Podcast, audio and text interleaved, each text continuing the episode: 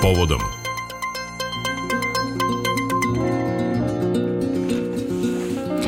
U 10 sati i 8 minuta započinjemo novi sat e, prepodnevnog programa i to rubrikom Povodom u kojoj vas informišemo o tome da je Generalna skupština Ujedinjenih nacija 2007. godine proglasila 20. februar za Svetski dan socijalne pravde, e, pozivajući države članice da taj dan posvete promovisanju nacionalnih aktivnosti u skladu sa ciljevima Svetskog samita za društveni razvoj i da podrže napore međunarodne zajednice ka iskorenjivanju siromaštva, promociji većeg veće zaposlenosti i dostojanstvenog rada, ravnopravnost polova i pristup socijalnom blagostanju i pravdi za sve.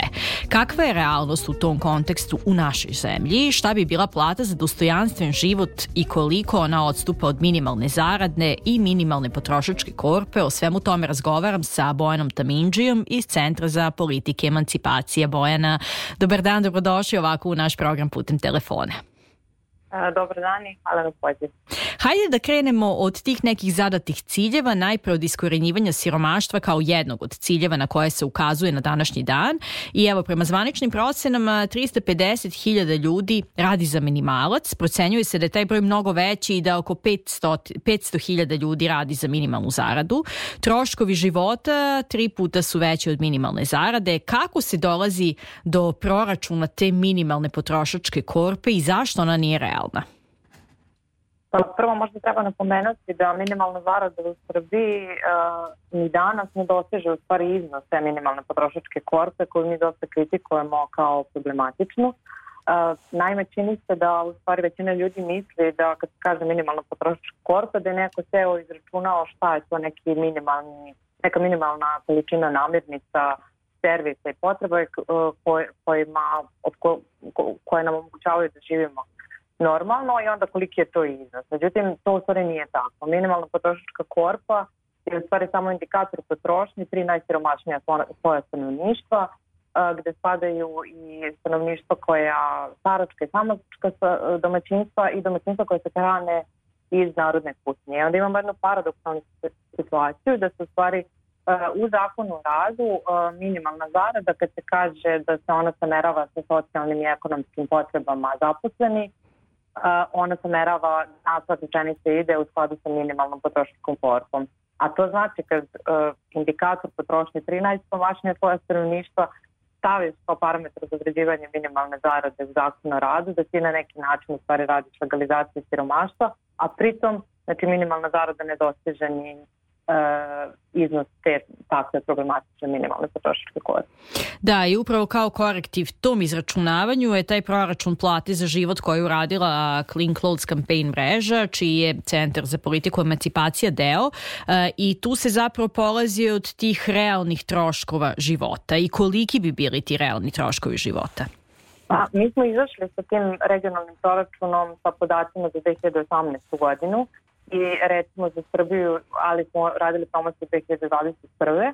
Uh, i ti troškovi su bili 98.000 od, od prilike sa zaokružen. Uh, prošle godine smo radili uh, update tih podataka i uh, sa podacima koji su nam bili dostupni, znači sa podacima za 2021. koji ne uključuju ovu strašnu inflaciju koja nas je zadesila uh, prošle godine i plata za život u Srbiji prema našem proračunu iznosi oko 114.000 za 2021. godinu.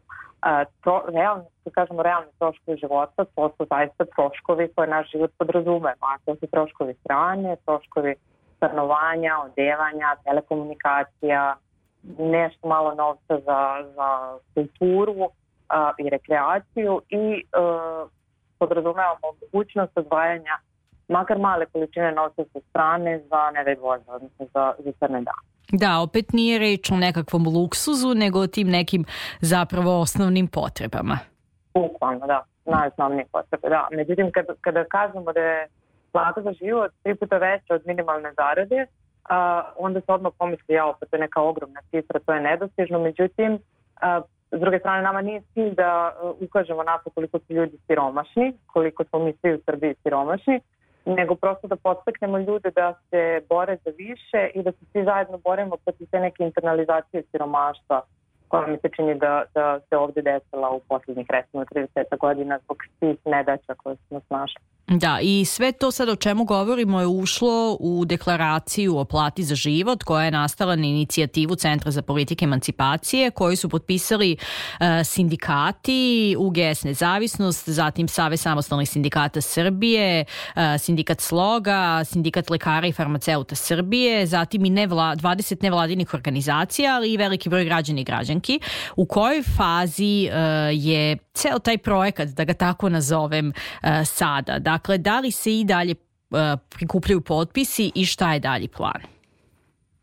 Pa da, mi pozivamo i dalje sve građani i građanke, građani i građanke Srbije da potpišu deklaraciju, još smo u fazi skupljanja individualnih potpisa, ali takođe otvorit ćemo naravno i novi klub za, za organizacije. A čitav cilj deklaracije je u stvari da se plata za život kao koncept popularizuje i da da neki vetar u leđa sindikatima i radnicima i radnicima koji se bore za povećanje e, zarada na, u, u svojim fabrikama. Dakle, možda je važno napomenuti da su recimo reprezentativni sindikati koji su potpisali e, deklaracije već 2021. godine ubrstili u svoj zahtev za povećanje minimalne zarade uh, i, i zahtev za dostizanjem nivoa plate za život sukcesivno u, u narednim godinama. Međutim, kao što sam napomenula, je po sindikati imaju zahtev i čak i e, neformalno obećanje od predstavnika vlade da će tada i tada minimalna zarada dostići nivo minimalne potrošačke korpe, e, to se nije desilo. Ali ono što je važno, važno je da e, se u sve borbe koje se tiču minimalne povećanja zarada uvrsti u stvari taj iznos kao neka granica ka, ka kojoj težimo. Mm -hmm. Jedan od zahteva deklaracije jeste da se ta kategorija plata za život e, uvede u zakon o radu. E, to bi značilo da se minimalna cena rada dakle usklađuje sa realnim troškovima života, potrebama radnika i radnica. E, to ste sada i delom spomenuli. E, međutim, kakav je utisak po pitanju socijalnog dijaloga na, na ovu temu?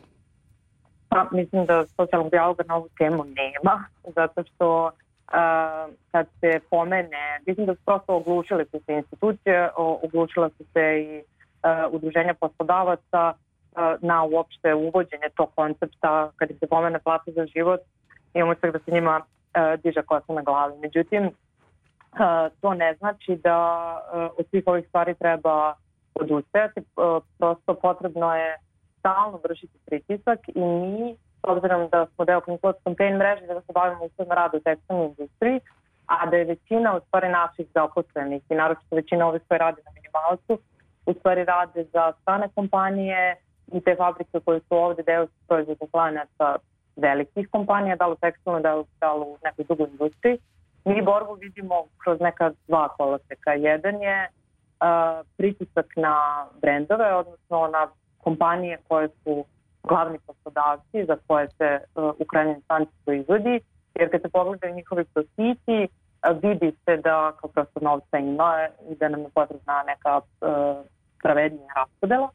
A sa druge strane, mi vidimo i prostor uh, da vršimo pritisak na institucije naše države kroz predloge zakona o progresivnom opoređivanju na kome radimo trenutno, gde bi jedno od mogućnosti bila da se recimo najniže zarade oslobodi poreza, da se to prebaci na, na ove koji zarađuju više, da bi se uh, stvorio manevarski prostor da se te zarade povećaju.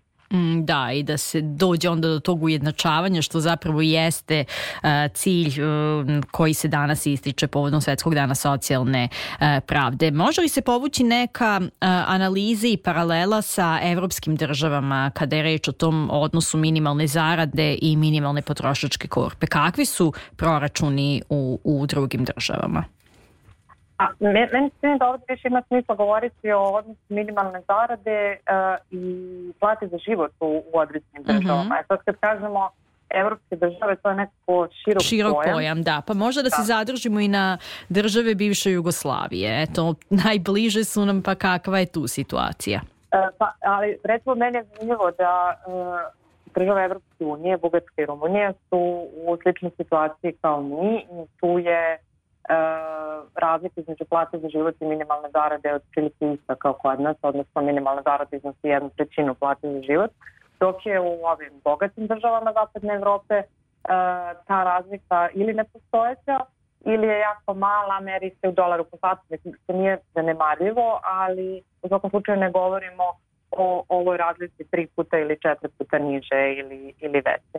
Države regiona uh, su bukvalno u istoj situaciji kao mi, i mi se tu na neki način takmičimo u tom snižavanju cene rada uh, ne bili privukli e, strane investicije i to je ono što često se naziva u stvari tom trkom ka dnu uh, jer čini se, čini se da se to dno kako mi više snižavamo i standarde rada i zarade da je ono sve dublje i dublje i sve dalje i dalje odnosno da može, da može nešto. Mm, e, da. upravo da. zato je važno podsticati regionalnu saradnju i to je nešto što, što se mi trudimo da radimo, da bi taj otpor krupnom kapitalu bio adekvatan, da nam ne bi pretili relokacijom proizvodnje ako mi sad povećamo minimalnu zaradu u Srbiji e, da neko kaže ok, nama se više ovde ne isplati da radimo, idemo u Albaniju, ako u Albaniji dočeka nas potpuno ista priča, onda uh, se nadamo da, da to može biti pravi odgovor i pravi način suprotstavljanja. Pa kakva je saradnja sad?